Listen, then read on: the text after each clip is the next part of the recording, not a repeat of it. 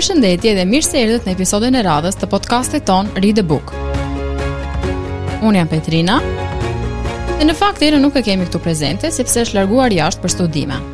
Me mallin më të madh për shoqen dhe bashkërealizuesen e podcastit, për ca episode do jem vetëm. Për këtë episod u mendova ca ditë se cilin roman të prezantoja dhe pavarësisht se kam një libër tjetër në duar, vendosa që të bëj një prezantim të një libri shumë të preferuar, timi dhe të Erës, nga një autor po aq të preferuar.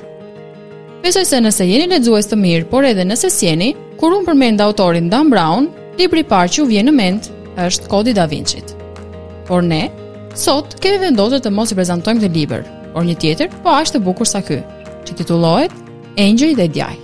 Megjithatë, ju siguroj se çdo roman nga ky autor do t'ju bëjë të thoni se ky është libri më i bukur që kam lexuar.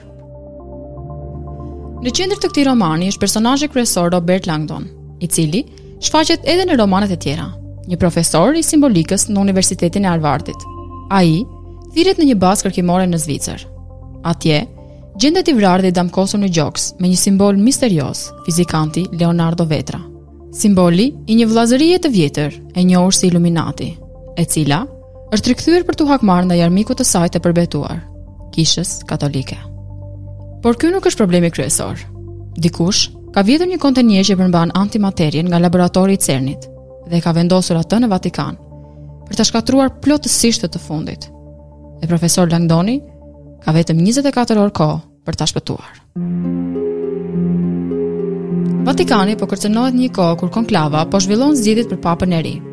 Pas vdekjes së papës nga një i ashtuquajtur helmim. I shoqëruar edhe nga e bija e fizikantit të vdekur Vitoria Vetra, gjithashtu një shkencëtare, profesor Langdoni shkon në Vatikan për të takuar ndihmësin e papës, Ventrescën. Por ndërkohë që Vatikani kërcënohet nga një bombë dhe mbahen zgjedhjet për papën e ri, kushdo që qëndron pas kësaj ka rrëmbyer katër kardinalët kandidatë për papë dhe kërcënon se do i japë fund kishës katolike.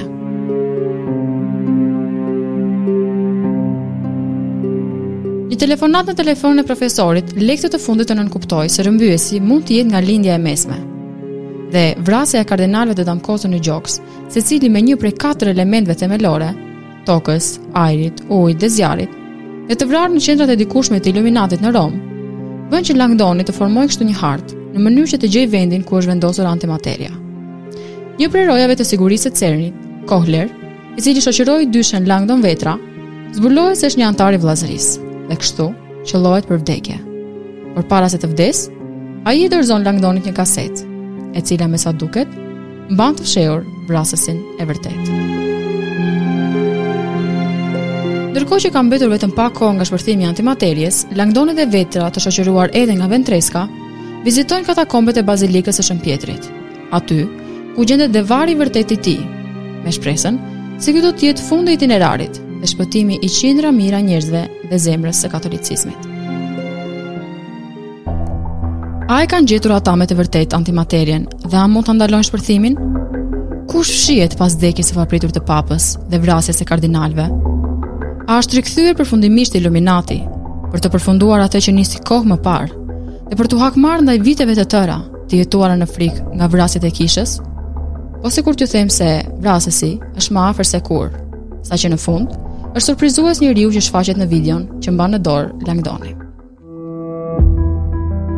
Ky roman, ashtu si dhe disa nga romanet e tjera të Dan Brown, është një ndërthurje e përsosur e shkencës dhe religjionit. Sigurisht, një libër që përmban teori konspiracioni, por edhe fakte të vërteta. Një libër që do t'ju mbajë në tension gjatë gjithë kohës. Përgjithësisht në romanet e xhanrit mister, në fund armiku del gjithmonë ai që nuk ta pret mendja. Prandaj edhe ky nuk bën ndonjë përjashtim. Megjithatë, me pak mendje të mprehtë dhe lexim të kujdesshëm, besoj se do të keni dyshime të mëdha te personi i duhur. Një rekomandim tjetër që dua t'ju sugjeroj është mos e shikoni filmin para leximit të librit, sepse përjetoni ndjesi më të bukura kur e lexoni fillimisht. Kjo vlen për të gjitha librat e realizuar edhe filma, sepse unë të paktën për veten time, të gjitha librat që kam lexuar dhe më pas i kam parë dhe filma, kam kuptuar se realizimi ka qenë shumë më i varfër në krahasim me librin. Vlerësimi që i japim këtij librit është i dukshëm. 10 nga 10. Dhe si fillim, ju ftoj të lexoni librin Kodin e Da Vinci-t dhe më pas të pasuroni bibliotekën e mendjes suaj me librat e tjerë nga ky autor, si Engjëj dhe Djaj që sapo prezantuam, Simboli i humbur apo dhe Ferri. Dhe mos harroni, read the book.